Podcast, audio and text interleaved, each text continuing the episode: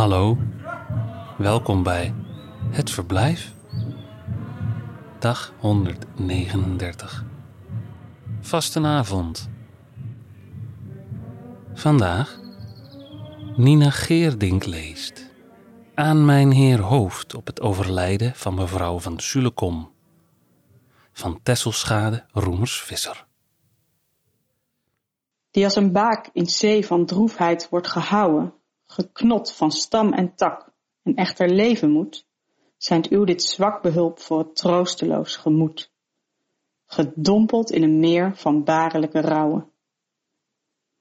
Zegt vast daar dat hij mocht pampieren raad vertrouwen, zo de innerlijke smart zich schriftelijk uiten kon. Hij staroog in liefst glans als adelaar in de zon, en stel zijn leed te boek, zo heeft hij het niet te onthouden. Pampier was het wapentuig waarmee ik heb geweerd te willen sterven, eer den hemel had begeerd. Daar overwon ik mee en deed mijn vijand wijken. Zijn eigen lessen leren matigen zijn pijn, want kwelling op de maat en kan zoveel niet zijn. Bezweer hem dat hij zing op maatzang droevelijke.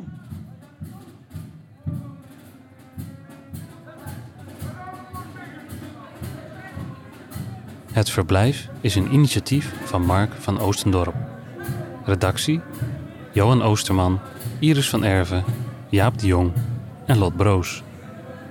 Ik ben Michiel van der Weerthof en wens je een aangenaam verblijf.